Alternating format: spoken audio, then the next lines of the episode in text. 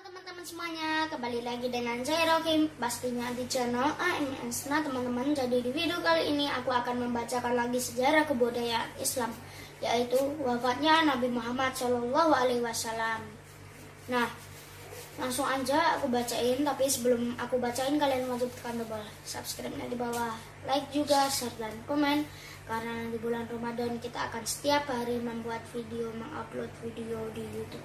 Oke, langsung saja Dua bulan setelah Haji Wada, Haji Wada, Nabi Muhammad Shallallahu Alaihi Wasallam mulai sakit panas.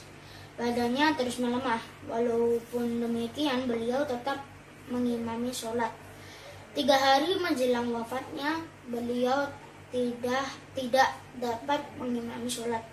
Dalam khutbahnya yang terakhir, beliau bersabda, Aku berwasiat pada kalian untuk berbuat baik terhadap kaum Ansor Sesungguhnya orang-orang Ansor adalah orang dekatku, di mana aku berlindung kepada mereka. Mereka telah melalui apa yang menjadi beban mereka. Ada mas dan masih tersisa apa yang akan menjadi hak mereka. Oleh karena itu, berbuat baiklah kepada siapa saja di antara mereka yang berbuat kesalahan. Setelah itu, beliau menunjuk Abu Bakar As-Siddiq sebagai pengganti imam sholat. Sehari sebelum Sehari sebelum Nabi Muhammad Shallallahu Alaihi Wasallam wafat, beliau memerdekakan para budak lelakinya. Beliau juga menyedekahkan uang beliau yang tersisa sebanyak tujuh dinar. Beliau memberikan senjata-senjatanya kepada kaum muslimin. Pada waktu duha, beliau memanggil putrinya, Fatimah.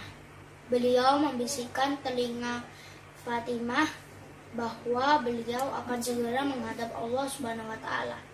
Mendengar hal itu, Fatimah menangis. Kemudian beliau berbisik lagi kepada Fatimah. Beliau mengatakan bahwa anggota keluarga pertama yang akan menyusulnya pertama adalah Fatimah. Mendengar hal itu, Fatimah tersenyum. Setelah itu, Nabi Muhammad Wasallam memanggil cucunya Hasan dan Hussein. Beliau juga memanggil istri dan anggota keluarganya yang lain. Beliau kemudian memberikan wasiatnya yang terakhir. Ingatlah sholat dan taubatlah. Tidak beberapa lama kemudian beliau menghembuskan nafasnya yang terakhir. Manusia pilihan Allah Subhanahu wa taala itu wafat pada pada hari Senin tanggal 12 Rabiul Awal 11 Hijriah atau 8 Juni 632 Masehi. Rasulullah Shallallahu Alaihi Wasallam setelah meninggalkan umatnya tak ada harta benda yang diwariskan kepada anak istrinya. Beliau hanya meninggalkan dua pusaka yang diwariskan kepada umatnya, yaitu Al-Quran dan Sunnahnya. Selama 23 tahun diangkat menjadi rasul, beliau berjuang tak kenal lelah dan derita untuk menegakkan agama Allah.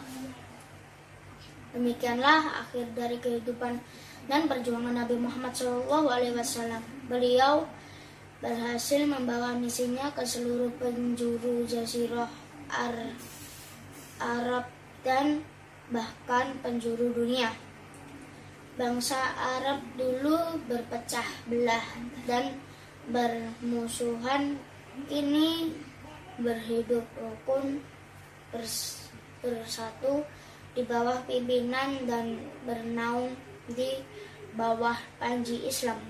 Nabi Muhammad Shallallahu Alaihi Wasallam telah mendirikan negara Islam pertamanya di Madinah. Negara Islam itu berdasarkan pada prinsip-prinsip keadilan, persamaan, cinta, serta solidaritas. sosial yang sempurna Allah Subhanahu wa taala telah merahmati Nabi Muhammad Shallallahu alaihi wasallam dengan sifat-sifat yang mulia dan menjadi arahan cara hidup di dunia dan akhirat. Nah teman-teman jadi sampai sini dulu video aku jangan lupa tekan tombol subscribe di bawah like juga share dan komen. Aku terakhir nama aku Rohim sampai jumpa lagi di video lainnya. Dadah.